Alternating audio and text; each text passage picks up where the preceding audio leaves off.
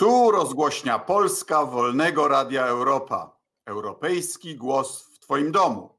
Kolejny odcinek Czasu Zarazy z Chobielina i z warszawskiej Pragi, a Państwa i moim gościem jest Leszek Henryk Balcerowicz, polski polityk i ekonomista, doktor habilitowany, wielokrotny wiceprezes Rady Ministrów, minister finansów w rządach Mazowieckiego, Bieleckiego i Buzka, prezes Narodowego Banku Polskiego, przewodniczący Unii Wolności, założyciel e, think tanku Forum Obywatelskiego Rozwoju, kawaler Orderu Orła Białego. Witamy panie premierze, witaj Leszku. Dzień dobry, dzięki, witam. Dziękuję bardzo za tą listę.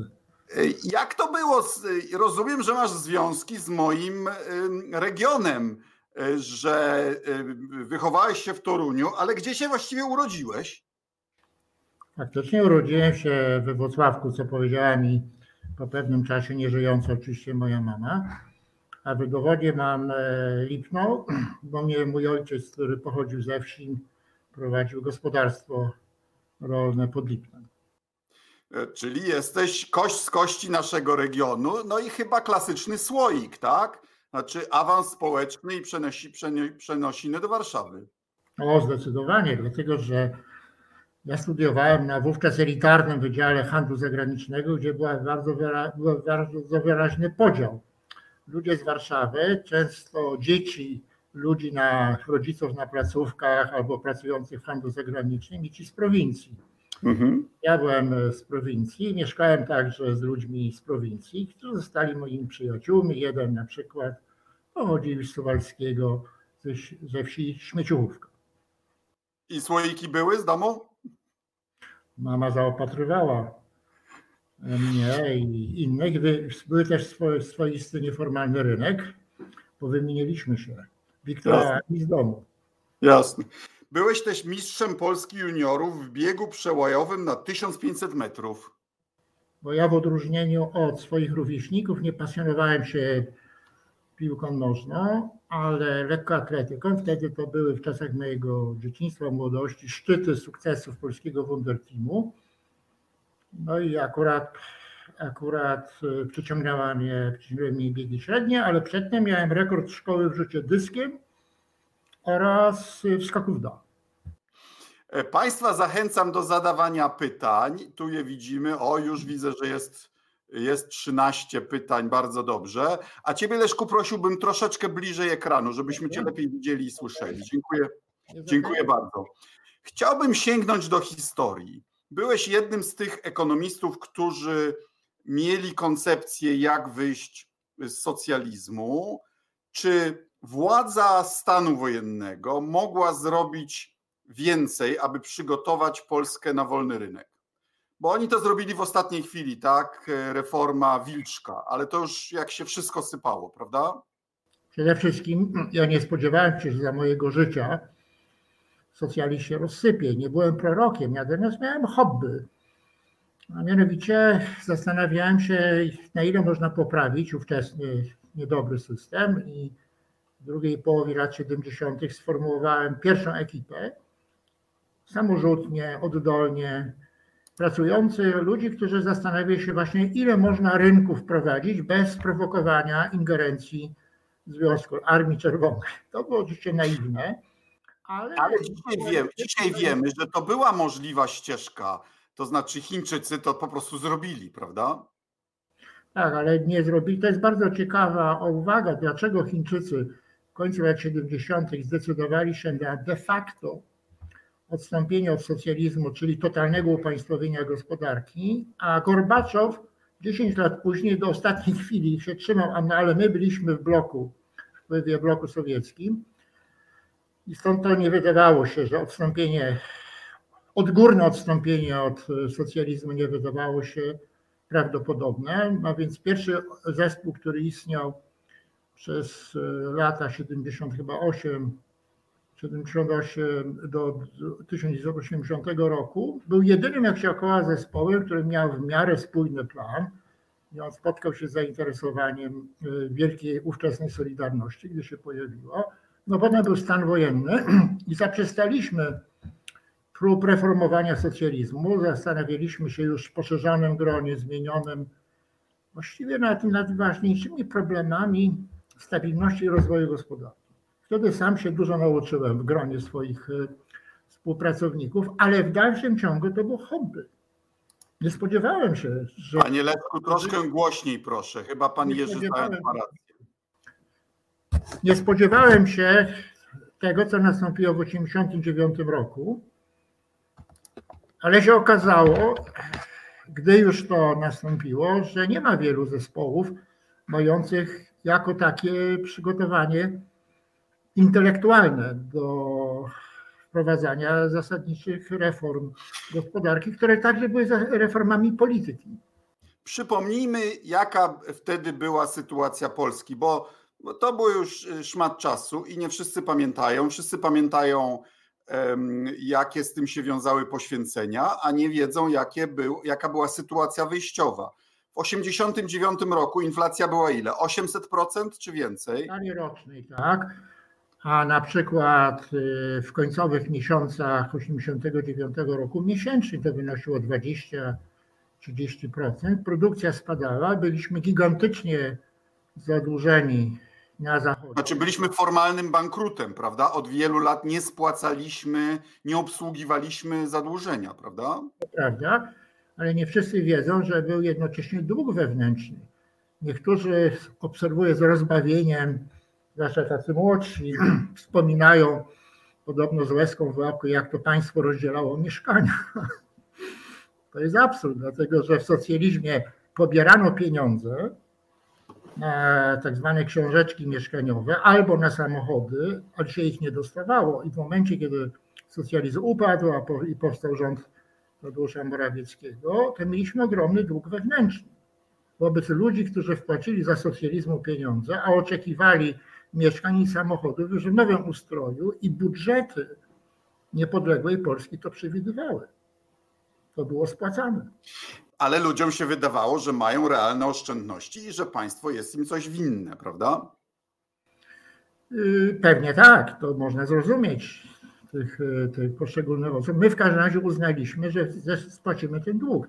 Podobnie zresztą, nie, pewnie nie wszyscy wiedzieli i wiedzą, że oszczędności dewizowe, które można było składać w niektórych bankach, zostały wydane przez poprzednią ekipę. Szczęśliwie gospodarka ruszyła po pewnym czasie, eksport wzrósł i mieliśmy pieniądze na spłatę również tego wewnętrznego długu dewizowego.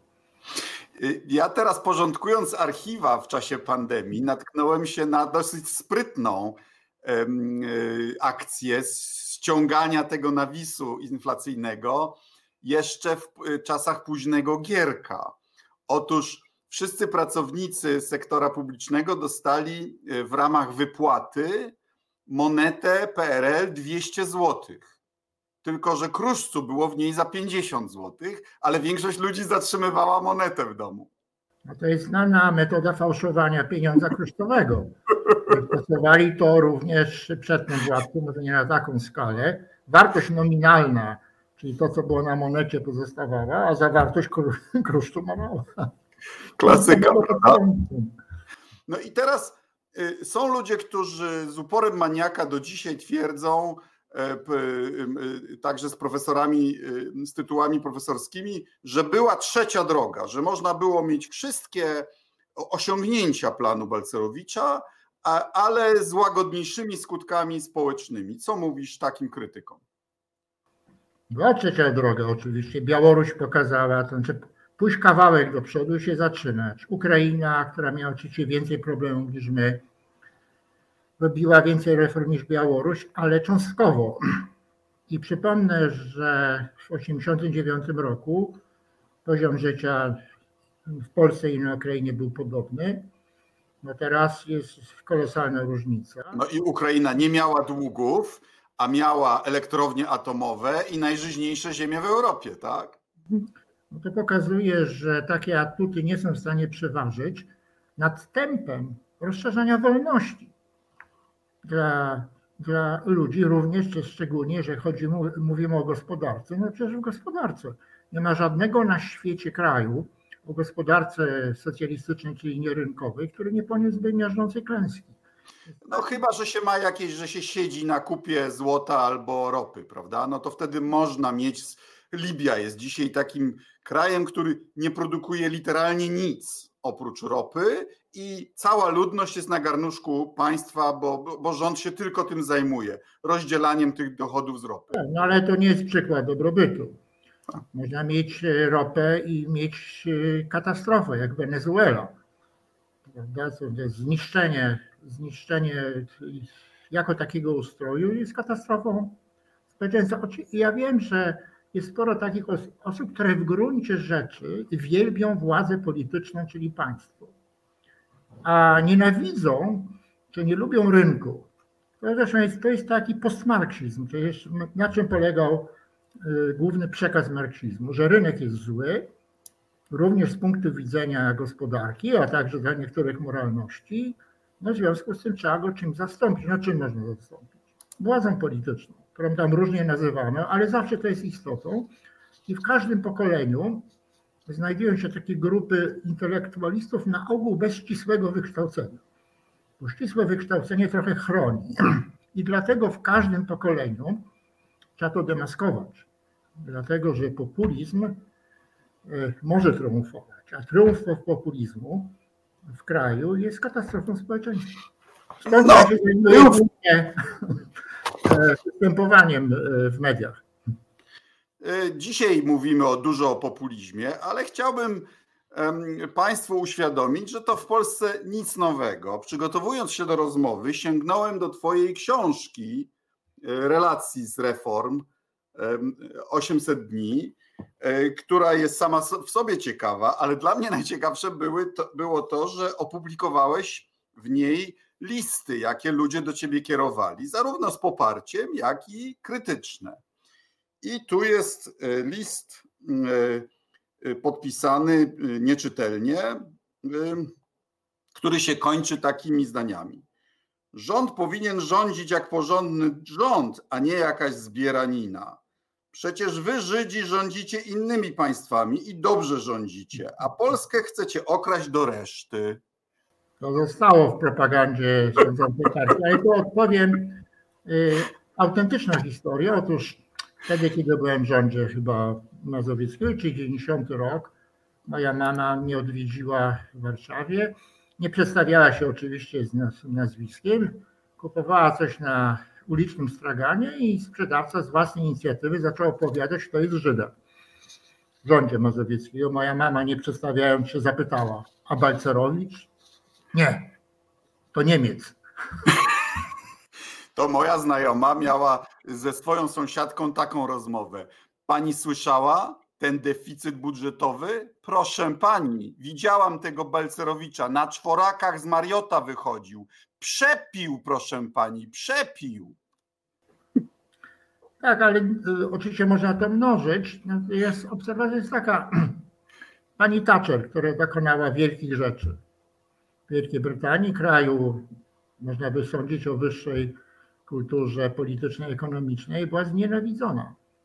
Szczególnie przez e, takich marksizujących intelektualistów. I ci sami intelektualiści wielbili Mao Tse-tunga, który był największym mordercą w historii, tylko że był antyrynkowy.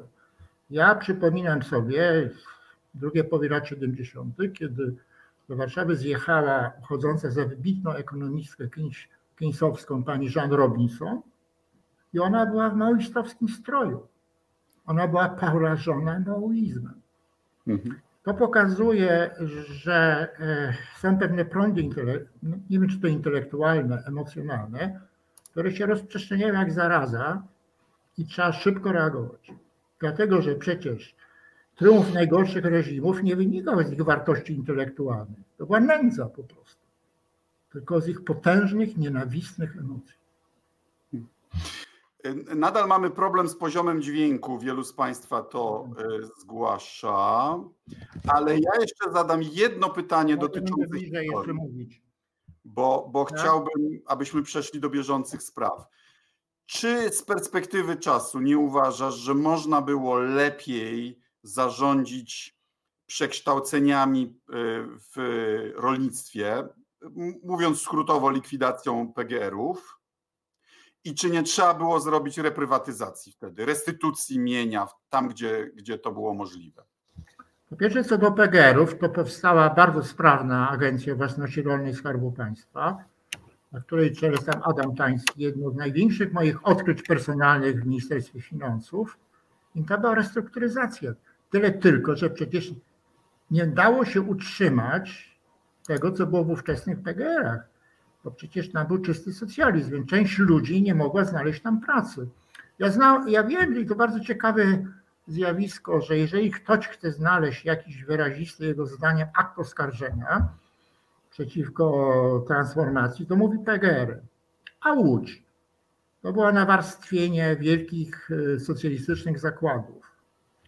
Tam nie było specjalnego programu, bo przecież nie mogło być samych specjalnych programów. Ta Łódź się dźwignęła. Oczywiście po spadku zatrudnienia i ona podniosła się dzięki powstawaniu i rozwojowi firm prywatnych. No, ja mieszkam na terenie byłego PGR-u, więc mogę coś powiedzieć. W tym naszym PGR-ze kiedyś pracowało tysiąc osób. Potem, jak dyrektor wziął w dzierżawę, pracowało 100 osób. A teraz dzierżawca obrabia to ze swoją żoną. Znaczy, to była skala marnotrawstwa pracy ludzkiej za, za socjalizmu. A także powiedzmy sobie wprost, no tam były jak gdyby ukryte dochody, które były sankcjonowane. Można było wziąć, bo to przecież nie prywatne. Ale to przy okazji chcę powiedzieć tak, że w tych dawnych PGR-ach powstał najnowocześniejszy sektor polskiego rolnictwa.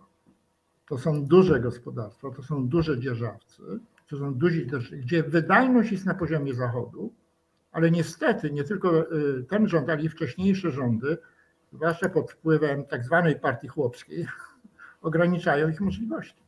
Hmm. I z przejściem z socjalizmu do e, wolnego rynku też jest wiele mitów o tym, jak to mieliśmy wspaniałe, e, wspaniałe fabryki, które rzekomo za bezcen zostało sprzedane. Ja powiem tylko o jednym, właśnie z naszego regionu przykładzie, który na pewno bardzo dobrze pamiętasz. Bydgoszcz była kiedyś rowerową stolicą nie tylko Polski, całego regionu środkowoeuropejskiego. Produkowaliśmy ponad w szczycie ponad milion rowerów y, rocznie w bydgoskim Romecie. No i jak otwarły, otworzyliście granice, to oczywiście zaczęła być konkurencja. Tajwan, Shimano, te rzeczy. E, I dyrekcja zakładu powiedziała związkom zawodowym: Słuchajcie, 5 y, y, tysięcy ludzi nie da się utrzymać w pracy. Musimy zredukować do 3 tysiące. Związki powiedziały w trosce o pracownika stanowcze nie. Firma upadła. Ale na ale jej menadżerowie, jeden z nich założył dzisiaj firmę Unibike, która w Bydgoszczy na mniej, trochę na mniejszą skalę, ale robi bardzo dobre rowery no to jest ta kreatywna destrukcja, prawda? Znaczy, że jakby to powiedzieć, maszyny, ludzie przechodzą do lepszych zastosowań. Nie zawsze upadłość oznacza zniszczenie. Ona często dobra, lepsze zastosowanie, jak ekonomiści mówią zasoby, ale generalnie Jeden z paradoksów, może pozornych, polega na tym, że socjalizm upadł dlatego, że opierał się na monopolu własności państwowej, czyli totalnej władzy polityków nad gospodarką. Nie, wszędzie to się źle skończyło. A szczególnie nienawistnie komentowana jest najważniejsza reforma. To znaczy przejście do wartości własności prywatnej, między innymi przez prywatyzację y, odziedziczonych zakładów państwowych to mam wrażenie, że nie nagłośnił to Leper, ale stało się częścią oficjalnej ideologii PiSu. I to nie tylko propagandy, ale po raz pierwszy w historii Polski po 1989 roku mamy do czynienia z władzą polityczną, która nacjonalizuje prywatne firmy. Może odpowiedzmy na e, pytanie pana Aleksa Polaka. Panie profesorze, jakie pana zdaniem przyczyny przesądziły o klęsce projektu modernizacyjnego w Polsce w latach 89-2015? Dlaczego w Polsce udało się wprowadzić autorytaryzm? Co spowodowało zwycięstwo PiS? No ja, ja się nie zgadzam osobiście z założeniem tego pytania, że ma, mieliśmy klęskę projektu modernizacyjnego. No ale, a, ale autorytaryzm niestety w tej chwili trend mamy wyraźny, prawda? Po pierwsze, nie tylko na drogach, ale i w polityce zdarzają się wypadki. Nie wszystko, co się dzieje, jest rezultatem narastających systematycznych sił. W Polsce mieliśmy do czynienia z tego rodzaju nagromadzeniem się wypadków. No między innymi e, Bronisław Komorowski, którego lubię i cenię, nie musiał przegrać wyborów. A jego kontrkandydat, który obiecywał gruszki na wierzbie i w części to PiS realizuje, mając technicznie sprawniejszą kampanię, choć co do treści fatalną, wygrał. I to był początek. To dało wiatr w żagle e, jego partii. I oprócz tego przypomnę, że dwie mniejsze partie dzięki panu Zandbergowi nie weszły do parlamentu. Gdyby jedna z nich weszła, mielibyśmy zupełnie inny rezultat wyborów. Bardzo źle jest w historii, ale tak bywa, kiedy, powiem po angielsku, bad guys have good luck. A potem mieliśmy następne, gospodarka przyspieszyła, ale ona nie dlatego przyspieszyła, że PiS prowadził lepsze rozwiązania, tylko dlatego, że w Unii Europejskiej gospodarka przyspieszała na pewien, przez pewien czas. Podwoiła się liczba Ukraińców, którzy napływali do pracy do Polski. To były takie dwa potężne. I płacą ZUS, prawda? Uratowali, zmniejszyli deficyt ZUS-u, prawda? Teraz e, to jest zupełnie naturalne. Ja nie krytykuję, tylko komentuję, że bardzo wiele osób w każdym kraju sądzi, że jeżeli gospodarka się poprawia i sytuacja się poprawia, to znaczy, że rządzą dobrze. E, bonanza zaczęła się kończyć na długo przed epidemią. Już w, w końcu 2018 roku, potem to mieliśmy wyraźne ślady spowolnienia, no bo jak długo można jechać na czymś, co się kończy, no i w tej chwili mamy y, do czynienia z wyraźnym tąpnięciem, oczywiście związanym z reakcją różnych rządów, wszystkich prawie rządów na, koronawi, na koronawirusa. A korzystając y, z tej dobrej koniunktury gospodarczej, rząd, reżim Kaczyńskiego wprowadzał zmiany, które absolutnie są cofaniem nas w kierunku PRL-u. No dobra, ale reżim Kaczyńskiego, reżimem Kaczyńskiego, jestem jego krytykiem, ale przyznajmy też jedno, że wszystkie rządy do 2015 roku tolerowały, skoryguj mnie, największy w OECD procent y, gospodarki w ręku firm pod kontrolą. Nawet jeśli są giełdowe, to pod kontrolą państwa. Ale mówimy o różnych rzeczach, Radku. No. Ja miałem, miałem na myśli, jak mówię reżim Kaczyńskiego, to mam przede wszystkim reżim polityczny. Znaczy, Wiadomo. To coś z rdzeniem. Ale nie dokończyliśmy transformacji. To jest znaczy, te... po kolei, nie wszystko naraz. Nie, żaden rząd w Polsce nie wprowadzał takich antyreform polegających na przejmowaniu kontroli partyjnej nad instytucjami, bez których nie ma demokracji i nie, nie ma poczucia bezpieczeństwa obywateli, aktywnych obywateli w stosunku do władzy politycznej. W tym sensie to jest reżim Kaczyńskiego. I uważam, że tak to trzeba nazywać. Ale oprócz tego. To znaczy kapitalizm kolesiostwa e, i, i taki kapitalizm polityczny, tak? To znaczy o, o podziale dóbr i zasobów y, y, decyduje dostęp do władzy politycznej, a nie rynkowa, skuteczność rynkowa, wartość dodana. Tak, ale nie tylko to. My mamy przede wszystkim po raz pierwszy po 1989 roku nacjonalizację. Jeżeli chodzi o sektor bankowy, to udział banków państwowych, które przecież podlegają, czy mogą podlegać upolitycznieniu, jest trzeci po Białorusi i po Rosji. To jest ponad 40%. No ale to patriotyczne, bo, bo, bo to są banki E, polskie, państwowe, a nie jakieś e, od jakichś etranżerów e, mówiących w obcych językach. W socjalizmie własność państwową nazywano społeczną. Reżimie Kaczyńskiego własność państwową nazywa się narodową. Ale istota jest taka sama. Kontrola polityków nad wrażliwymi częściami gospodarki, od których trzeba ich z daleka trzymać. Drugi sektor to jest energetyka i górnictwo. Gdzie mamy także nacjonalizację i przejmowanie w energetyce. To jest bardzo wyraźne cofanie Polski w stosunku do, w kierunku ustroju, który upadł. Powstaje pytanie, które ty chyba postawiłeś, a czy w parze z tym nie będzie tworzenie rodzimych pisowskich oligarchów?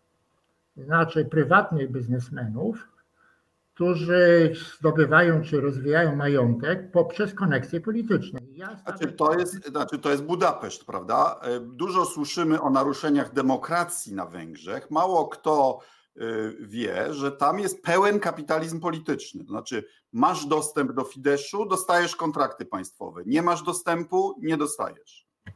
No to jest model Putina.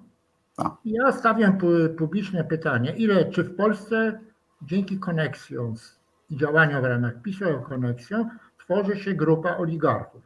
Dla mnie pytaniem jest, czy pan Łukasz Szumowski jest, jest oligarchą PiSu?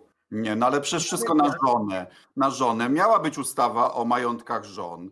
No, pan premier Morawiecki też ma, miał łeb do interesów, nie? No, kupował ziemię tanio, a, a teraz ona jest ile? 100 czy 1000 razy droższa. No mają ludzie głowę do interesów. Jeżeli to robił jako indywidualnie, bez korzystania z, z koneksji politycznych, no to bym oceniał jego sprytnego biznesu. Jeśli to robi dzięki koneksjom politycznym, tak jak się zdaje robił pan nasz polski Judym, czyli pan Łukasz Szymowski, to już jest zupełnie inna kategoria i to podpada pod ogólnie przyjętą definicję oligarchy. Czyli człowiek. I teraz moim zdaniem media powinny wziąć e, pod obserwację e, problem. Czy oprócz tego, że cofamy się do socjalizmu poprzez nacjonalizowanie firm, mamy do czynienia w, w ramach reżimu Kaczyńskiego z tworzeniem się grupy oligarchów. No ale przecież na tym polega między innymi dostęp e, tej oligarchii medialnej. Przecież, przecież gdyby fundusze reklamowe państwowych firm były rozdzielane rynkowo, czyli na, wedle kryterium dotarcia do potencjalnego klienta, to jakieś marginalne gazetki ultraprawicowe by, by tych reklam nie dostawały, a dostają gigantycznym, wielomilionowym strumieniem. Tak, tak samo jak dyrektor Rydzyk, tak? No to też jest po pierwsze korupcja, a po drugie tworzenie oligarchii poprzez dostęp do zasobów państwowych. Zgoda i dlatego warto obserwować i pokazywać ten y, problem, na ile on się rozszerza. Logika takiego systemu jest zwykle taka, że się rozszerza. Dlaczego? Zły system przyciąga ludzi, którzy niekoniecznie spełniają wysokie kryteria intelektualne czy moralne i oni potrzebują bodźców. E, niekoniecznie ideowych, tylko namacalnych, stanowiska, pieniądze. Oczywiście to jest przykryte przez ideologię. A każdy zły reżim ma swoją ideologię. On mówi po pierwsze, że walczy ze złem i po drugie, żeby wprowadzić dobro. To jak to było, jest w przypadku PiSu. No, walczy z Polską w ruinie, tak? To Nie, ale, ale to, chwila, moment, bo to, to ja uważam jest głębsze. W tej chwili mamy bunt nie tylko przeciwko globalizacji, mamy bunt przeciwko merytokracji.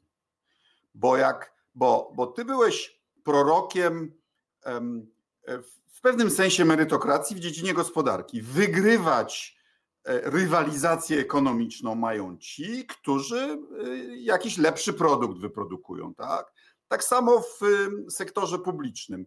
E, stanowiska w biurokracji mają być mieć ci, którzy wygrają jakieś konkursy. I to samo w polityce. Wygrywać mają ci, którzy na, na, na, na równym w miarę boisku wygrają argumenty, wygrają politycznie. A przecież to jest wedle naszych patriotów głęboko niesprawiedliwe, bo konkurencja produkuje, powoduje, że wygrywają jacyś przypadkowi ludzie. A wygrywać we wszystkich trzech sferach mają patrioci. Kość z kości. Yy, a kto decyduje, kto jest patriotą? Wiadomo, szef partii. I wtedy mamy system e, sprawiedliwy. Pytanie, czy on jest wydolny na dłuższą metę? To jest pytanie retoryczne, ale to jest schemat, który można przełożyć do każdego reżimu autorytarnego. Są niedobrzy, czyli krytycy, i są dobrzy, czyli nasi. I teraz są tylko różne nazwy. No, nasi to są narodowi katolicy, a niedobrzy kosmopolici, zdrajcy itd. Tak itd. Tak Więc jest oczywiste, to jaka jest selekcja w polityce, to warto powiedzieć, zależy od rozkładu opinii i postaw wśród wyborców. I stąd niezmiernie jest ważne to, co jak rozumiem próbujemy robić, a mianowicie wpływać na postawy i poglądy wyborców i mobilizować ich do aktywności. No i czy tu nie sądzisz, że trzecia RP popełniła zasadniczy błąd? Bo uznaliśmy, ja też bym się o to obwinił, że po klęsce komunizmu, że wolny rynek i demokracja są tak ewidentnie wyższe nad autorytaryzmem i, i, i własnością państwową, że tego nie trzeba bronić i o tym nie trzeba uczyć w szkołach. E, I to zostało kompletnie, znaczy tego typu wychowanie obywatelskie zostało kompletnie odpuszczone. Co do szkół, to zgodziłbym się akurat FOR, e, Agata Stremecka, prezes FOR, przeanalizowała kilkadziesiąt podręczników z zakresu wiedzy obywatelskiej czy coś podobnego i w większości czy wielu nie ma w ogóle mowy o przełomowym znaczeniu tego, co stało się po 1989 roku, a i sporo takich, którzy mówią właśnie o, o najgorszych stronach, niezwykle w sumie historycznie rzecz biorąc, pozytywnej transformacji. Ale z tego możemy tylko wyprowadzać wnioski. To znaczy, trzeba o wiele bardziej, wykorzystując właśnie media społecznościowe, docierać do ludzi. Jasne. A teraz pogadajmy o, o gospodarce, bo no, tak jak mówisz, mamy, y, mamy w tej chwili e, wielkie bezrobocie w Stanach już 35 milionów, w Polsce już kilkaset tysięcy, a amunicji do walki z tą recesją po poprzednich stymulacjach e, e, finansowych trochę mało, prawda?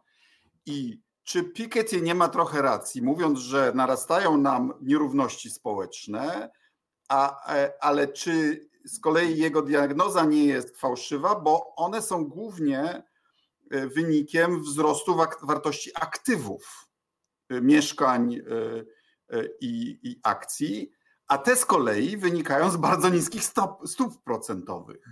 Czy tu nie tkwi kolejna pułapka? Dwie rzeczy. Odnośnie Piketty'ego, Proszę zwrócić uwagę, że jedni przejmują się tym, że jest mnóstwo biednych, czy wiele biednych, choć ich liczba spadła w skali światowej i zastanawiają się, jak zmniejszyć zakres biedy, co zawsze zależy od tego, żeby gospodarka ruszyła. No i, i globalizacja wyciągnęła ile? Y, miliard ludzi z biedy, jak nie więcej. Nie w Chinach, Bangladesz też. A inni grają na zawiści i mówią, 1% ma tyle i tyle aktywów, a reszta ma dużo mniej. Przecież to, czy oni myślą o biednych, czy oni myślą o zawiści? Ponadto wtedy, kiedy operują tym 1%, to zwykle nie odróżniają ludzi, którzy zdobyli wielkie majątki dzięki innowacjom. Na przykład Bill Gates albo Steve Jobs. Od oligarchów Putina.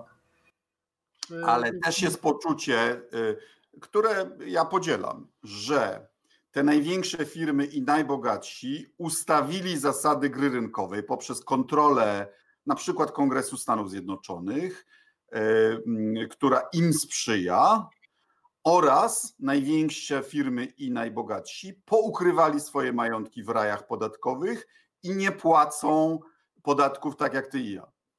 Będę bronić rajów podatkowych, bo e, zgadzam się. Natomiast co do takiej globalnej krytyki globalnych korporacji, to się nie zgadzałbym, dlatego że badania pokazują, że one są niezwykle ważną, nośną siłą innowacji i postępu technicznego.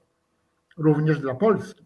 Duża część naszego sukcesu gospodarczego, jeszcze bardziej no w Słowacji czy na Węgrzech, bierze się właśnie z transferu technologii, dobrych y, modeli biznesowych. Ale to jest jedno. Wróćmy do pytania.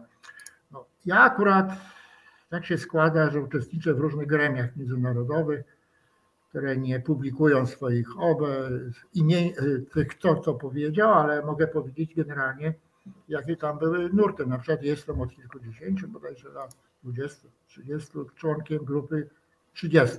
30 ludzi z całego świata. Ja akurat jestem jedyny z naszej części świata i tam się ścierały dwa poglądy. Jeden, że ta niekonwencjonalna polityka pieniężna, która przypominam, polega na obniżeniu stóp procentowych do bardzo niskiego poziomu i trzymaniu ich na tym poziomie, plus tworzeniu masy pieniądza, jest najlepszym rozwiązaniem ze względu na jakieś zmiany na świecie.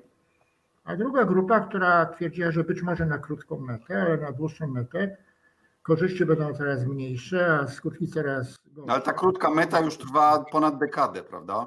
Nikt, mogę powiedzieć, z tych zwolenników początkowych nie ogłaszał, że to będzie trwało 5 lat. Więc ja mogę tutaj powiedzieć, że należałem do tej drugiej grupy i należą, bo dostrzegałem negatywne, narastające skutki i przypominam sobie dyskusję na krótko przed wybuchem koronawirusa, a mianowicie, a co będzie, jaki będzie jakiś kryzys? Gdzie będzie amunicja? No i kryzys nadszedł. No i teraz co się okazuje? No sięga się do jeszcze większych dawek tego samego lekarstwa. Mimo, że to jest innego typu kryzys, tak? Bo nie jest problemem popyt, tylko mamy problem popytu i podaży jednocześnie, prawda? W różnych dziedzinach różne siły, z całą pewnością to jest coś innego niż załamanie się systemu bankowego czy finansowego i w konsekwencji spadek wydatków finansowanych przez kredyt. E, no i mm, dotarliśmy do takiej sytuacji, ja, ja mam wrażenie, że my mamy do czynienia z taką, również na Zachodzie, wpływowych środowiskach, spiralą interwencjonizmu. Najpierw wskutek wcześniejszych błędnych interwencji powstaje kryzys. Na przykład ten kryzys 2007-2008 roku według wielu dobrych badaczy wziął się z tego, że stopy procentowe w Stanach Zjednoczonych były zbyt niskie, że przedtem panowała doktryna too big to fail, czyli trzeba chronić tych dużych, że przepisy podatkowe one faworyzowały zaciąganie kredytów, a nie powiększenie kapitału. To jest 10 różnych takich interwencji. Było one doprowadziły do kryzysu. No i co? I kto jest wtedy zbawcą? No zbawcą są te państwa, których interwencje wywołały kryzys. No i to się przedłużyło przez 10 lat i mamy do czynienia z sytuacją, w której e, nie wszyscy, ale wielu większości wielu polityków i ekonomistów uważa, że jedyne to stosować większą dawkę tego samego lekarstwa. W Polsce mamy problem tego, że jechaliśmy na konsumpcji, tak, y, y, y, inwestycje zarządów PiSu zamiast e, e, wzrostu obiecanego de facto spadły. Spadły zarówno inwestycje publiczne, jak i E, inwestycje prywatne. Jak długo można ciągnąć taki model gospodarki? Można powiedzieć, że w latach 70. w pierwszej połowie też jechaliśmy na konsumpcji. Przypominamy sobie bonanzę gierkowską i jak to się zakończyło. Patrząc nieco głębiej, no my jechaliśmy na czym w tych pierwszych 3-4 latach pisowskich? Na przyspieszeniu wzrostu w Unii Europejskiej, o czym powiedziałem, to się skończyło i na podwojeniu się liczby Ukraińców, bo generalnie trwały wzrost konsumpcji zawsze bierze się z poprawy po stronie podaży, czyli produkcji. No popatrzmy, jakie są szokujące różnice w poziomie konsumpcji między Koreą Południową i Koreą Północną, tak? No dlaczego? Dlatego, że mają różne ustroje, mają różne. E, w jednej strony mamy niesłychany socjalizm, a z drugiej strony mamy konkurencyjny kapitalizm. Więc prawdziwy konsumpcjonizm można realizować tylko w gospodarce prywatno-rynkowej. No i teraz, y, jeżeli patrzymy na przyszłość, od strony tego, co w Polsce trzeba zrobić, no trzeba usunąć te zniszczenia ustrojowe i wzmocnić to, co przedtem się sprawdzało w świetle wszystkich doświadczeń międzynarodowych. To jest zadanie. Okej, okay. to bardzo ważne, co mówisz. Czyli ty, osoba o opinii neoliberała, mówisz, że e, gra rynkowa nie może abstrahować od otoczki instytucjonalnej, że dzieje się w pewnych ramach bezpieczeństwa prawnego i sprawnie działających instytucji publicznych. Dobrze mówię? Jest liberalizm, liberalizm klasyczny. to skupiał się na właściwych instytucjach. Co to było? To było niezależny wymiar sprawiedliwości. To było państwo, które nie może wszystko, wszystkiego robić. To znaczy państwo rozumnie ograniczone przez podział, wzajemną kontrolę, czyli checks and balances, niezależność sądów i tak dalej. To jest istota liberalizmu, y, których niektórzy nazywają neoliberalizmem. I w świetle tego, co się sprawdziło, czyli y, klasycznego liberalizmu, jak popatrzymy, wszystkie odchylenia y, przynoszą wielkie szkody dla, dla ludzi, dla społeczeństwa. Najbardziej skrajne to jest nienawistny postmarksizm, czyli zniszczenie tego, co działa. Ciągle wpływowy w niektórych kręgach intelektualnych. E, wydaje mi się, że to jest tradycyjna polska zawiść, która ma znacznie głębsze korzenie niż marksizm. O nie, nie, nie, nie. To jest. Y, y, ja nie twierdzę, nie, nie znam dowodów, że my przeciętnie jesteśmy bardziej zawisni niż a, a ja uważam, że w tym jesteśmy mistrzami świata. Ale śledzę także, co pisują niektórzy ludzie na Zachodzie. To jest uwielbienie państwa, czyli władzy politycznej w tych bardziej skrajnych przypadkach, ze względu na to, że rynek jest traktowany jako niedobry, niemoralny i tak dalej. Czyli to, co się sprawdziło, jest złe. E, odnieśmy się do pytania pani Zofin Woźniak. Niskie stopy to trucizna dla wolnej gospodarki, pusty pieniądz, papier, bo ona jest kontrintuicyjna, bo przecież generalnie y, y, przedsiębiorcy lubią, jak mają kapitał taniej, prawda? Ale ja chcę rozwinąć to, y, pytając Ciebie o stosunek do wejścia do strefy euro. No bo gdybyśmy zarabiali w euro i mieli kredyty w euro, no to mielibyśmy tańszą, tańszy pieniądz po tej samej cenie, co nasz konkurent w Niemczech i to by było chyba dobre dla gospodarki, a nie złe, prawda? A było to dobre dla Grecji? To jest Grecja, co było? No, Grecja przez dobrą dekadę jechała na, na tańszym pieniądzu, pieniądzu, tylko zamiast te pieniądze oszczędzone na tańszym pieniądzu zainwestować w coś produktywnego, no to wydała na niemieckie łodzie podwodne, czołgi i, i parę innych rzeczy, prawda? Stopy mogą być za niskie. Jeżeli są za niskie, no to wtedy kredyt rośnie gwałtownie, rosną wydatki finansowane kredytem. W przypadku Grecji to były wydatki budżetowe, a w przypadku Hiszpanii i, i, i Irlandii to był niesłychany boom mieszkaniowy. Boomy mają to do siebie, że nie trwają wiecznie, czy się załamują, a potem jest okres nieprzyjemny. W związku z tym nie można, to, to pytanie ma racjonalną y, część stopy mogą być za niskie. I jedno niebezpieczeństwo to jest właśnie, jak powiedziałem, boom, który się zawala, a drugie to może być inflacja. Ja w tej chwili nie wypowiadam się na temat przyszłości inflacji w Polsce, tylko zwracam uwagę na to, że e, nie mogą, że, że nie jest tak, że im niższe stopy procentowe, tym lepiej. Poza tym, proszę pamiętać, my mamy y, stopy procentowe w bankach pod wpływem polityki NBP, które są niższe znacznie od y, inflacji. Czyli ci, co składają pieniądze w bankach, tracą. Mamy erozję oszczędności. A gdybyś ty był teraz y, prezesem NBP-u, no to nie miałbyś takich dwórek pewnie jak obecny y, prezes, ale jaką byś prowadził politykę pieniężną?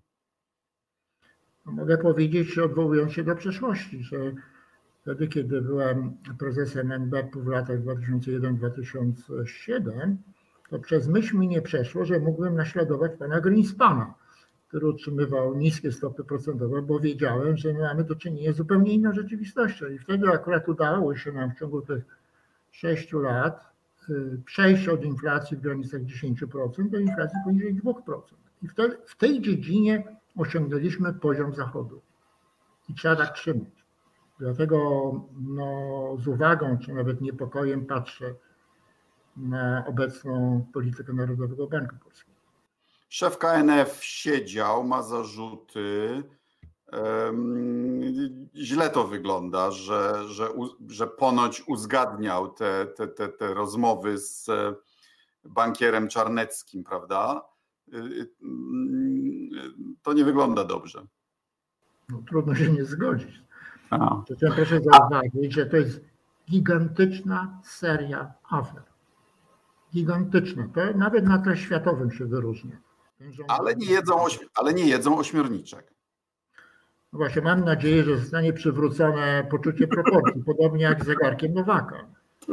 My mamy do czynienia z ludźmi, którzy okazuje się dostają sto kilkadziesiąt milionów i są nadal ministrami. Tak. E, mamy tą niesłychaną rotację na stanowiskach prezesów spółek państwowych y, i tak dalej. Czy jako prezes NBP-u też byś ściągnął połowę naszego złota do Polski? Ja nie, nie spotkałem się z żadnym uzasadnieniem jakimś merytorycznym. Ja mam wrażenie, że to było zrobione głównie po to, żeby prezes Glapiński mógł się sfotografować ze sztabką złota. I że czar złota. Ale wyjaśnij. Czar złota podziała. Ja w, pierwszym, w pierwszej chwili myślałem, że to może, może się spodziewamy wojny. Ale potem, jak sobie przypomniałem, co się stało w czasie wojny, no to przecież myśmy musieli to złoto z Polski wywozić w ostatniej chwili, bo ono jest de facto w Londynie bezpieczniejsze i tam nawet można na nim zarobić i, i transakcje przeprowadzać z mniejszymi kosztami, prawda? Tak, ja mam wrażenie, że w tym obecnym systemie duża część polityki poszczególnych instytucji to jest na użytek propagandy. Tak. Sprowadzimy złoto, będzie, a noś się ludzie cieszą. Tak. Są rzeczy bardziej złowrogie, na przykład działalność niektórych prokuratorów Ziobry. Pamiętajmy, co się stało z Barbarą Blidą. Przecież to było zrobione dla celów propagandowych. Ale teraz e, polecam specjalny portal dotyczący prokuratorów Ziobry, który, y, który na podstawie wiadomości sprawdzonych medialnych identyfikuje tych, którzy oskarżają bez y, należytych y, zarzutów. No dobra, ale czy Glapiński nie kupił więcej złota i czy tutaj nie miał farta, że cena złota wzrosła? Nie jestem w stanie tego skomentować. Jasne. Nie śledziłem i nie uważam, że to było jakieś istotne z punktu widzenia. Jasne.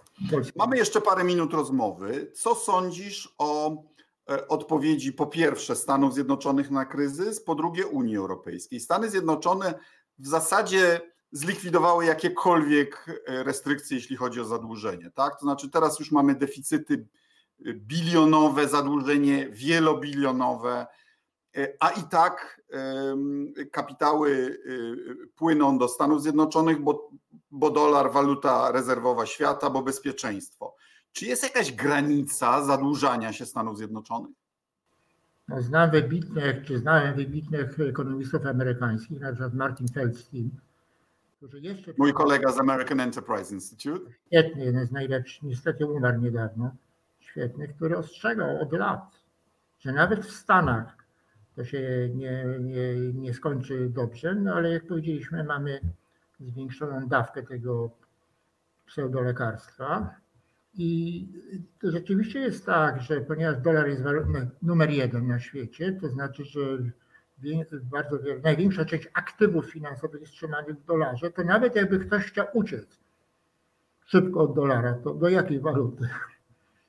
Ale czy to nie jest. Szwajcarskiego, to by oczywiście natychmiast y, się wzmocnił. To. Dobra, ale czy to nie jest wszystko oparte na założeniu, że Stany Zjednoczone mają system podatkowy na tyle sprawny i z na tyle szeroką bazą gospodarczą, że w nieskończoność będą w stanie obsłużyć to zadłużenie, jakiekolwiek ono by nie było.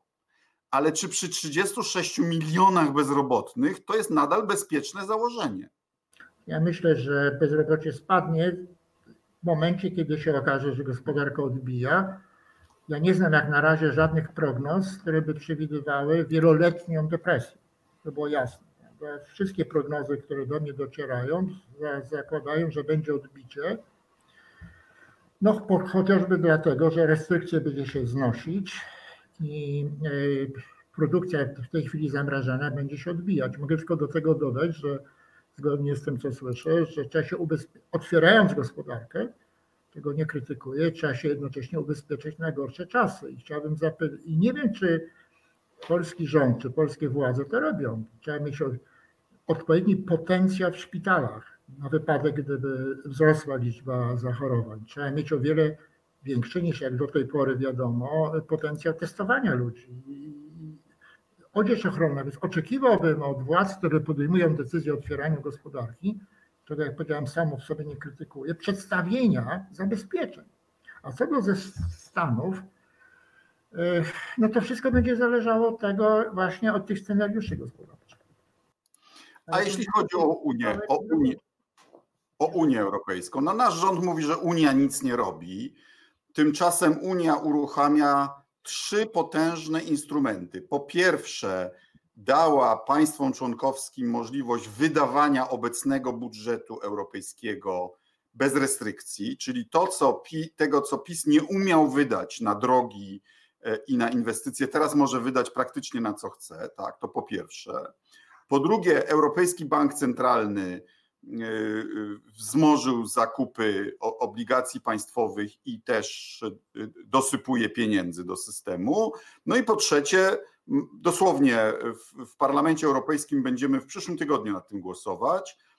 Francja, Niemcy uzgodniły w porozumieniu z Komisją fundusz, nie obligacje, ale fundusz 500 miliardów euro zabezpieczony na budżecie europejskim, który ma trafiać do e, państw członkowskich najbardziej dotkniętych kryzysem. Czyli to jest forma jednak podzielenia się dobrobytem przez Niemców z innymi, no bo e, Niemcy będą, podejrzewam, stosunkowo mało dotknięte kryzysem, a e, te subsydia, bo to nie będą kredyty, tylko subsydia, będą szły do Europy Południowej i Środkowej. Więc to są w sumie, mówimy o bilionach euro, czyli o, o, o, o, o kilka poziomów więcej niż może robić Polska. Więc więc skąd to gadanie, że Unia nic nie robi? No to są fałszywe oskarżenia przede wszystkim dlatego, że jak wiadomo, to jest w kompetencji państw. Główna odpowiedzialność, moim zdaniem słusznie. W sensie zdrowotnym, ale już w sensie walki z kryzysem gospodarczym.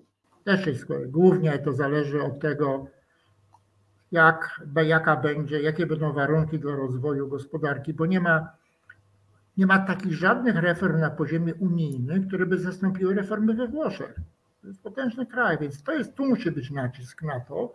Natomiast... I tam jest nadal zablokowany y, system y, y, pracy, prawda? Jest kompletnie nieliberalny. Dlaczego? Nie wolno nikogo zwolnić, wobec tego nikt, nie, nikt nikogo nie zatrudnia. Mnóstwo deformacji, których poprzednie rządy nie zdołały usunąć w odpowiednim momencie i teraz Problem polega na tym, że unijne instytucje, starając się tam, gdzie mogą rzeczywiście pomóc, pomagać, żeby pomagały, ale żeby nie osłabiały bodźców do niezbędnych reform w niektórych krajach, na czele z Włochami, bo na przykład jeżeli EBC będzie dostarczy mnóstwo łatwego pieniądza dla polityków we Włoszech, to dlaczego nie mieliby reformować? A to nie będzie przecież trwałym rozwiązaniem. A na ile gry, e, e, e, wobec narzucenia tego gorsetu finansowego, w Twojej ocenie, na ile Grecja rzeczywiście się zreformowała? W Grecji były ogromne opory w praktycznej realizacji najważniejszej części, czyli reform podażowych. Tam było bardzo mało konkurencji, dużo grup, dużo grup nacisków, nieformalnych układów. I ludzie z Funduszu Walutowego i z unijnych instytucji, którzy chcieli te reformy przeforsować, nie byli w stanie, bo oni brali za dobrą monetę uchwalane ustawy. Ale już jak one były wcielane w życie, to już nie mieli albo możliwości, albo czasu. I w rezultacie. No, trzeba, trzeba przyznać Grekom, e, e, patriotycznie się zachowali, po to, żeby wejść do strefy euro, sfałszowali wszystkie statystyki ekonomiczne ale przed tym byli bardzo solidni. Właśnie chcę powiedzieć, że trudno obciążać charakter narodowy Grecji. Co się stało w Grecji? To jest bardzo pouczające. Po okresie bardzo solidnych, zdyscyplinowanych rządów, szybkiego wzrostu, do władzy doszli populiści. Na czele z Papandreou, to był jeszcze dziadek czy ojciec, i oni zarazili całą politykę grecką populizmu. To była destrukcyjna konkurencja. Oni jechali, wzrost spadł, tempo wzrostu spadło, ale nadal jakoś tam się oni rozwijali. Rozdzielnictwo polityczne kwitło, aż doszło właśnie do tego, że wykorzystali niskie stopy procentowe do zwiększania wydatków budżetowych aż do krachu. To jest bardzo pouczająca historia, jak trzeba się pilnować, żeby najgorsi populiści nie zarazili innych i żeby w sumie w klasie politycznej właśnie nie było wielkich różnic. To jest największe zagrożenie, byłoby największe zagrożenie również dla przyszłości polskiej gospodarki. A no w związku z tym, ponieważ podaż tam nie ruszyła, bo nie zreformowali tej sfery produkcji, no to wyciskano e, z, Grek, z Greków spłaty części zadłużenia poprzez przede wszystkim y, redukcję wydatków. Zresztą niektóre powinny być zredukowane. No ile można mieć 15 emerytów?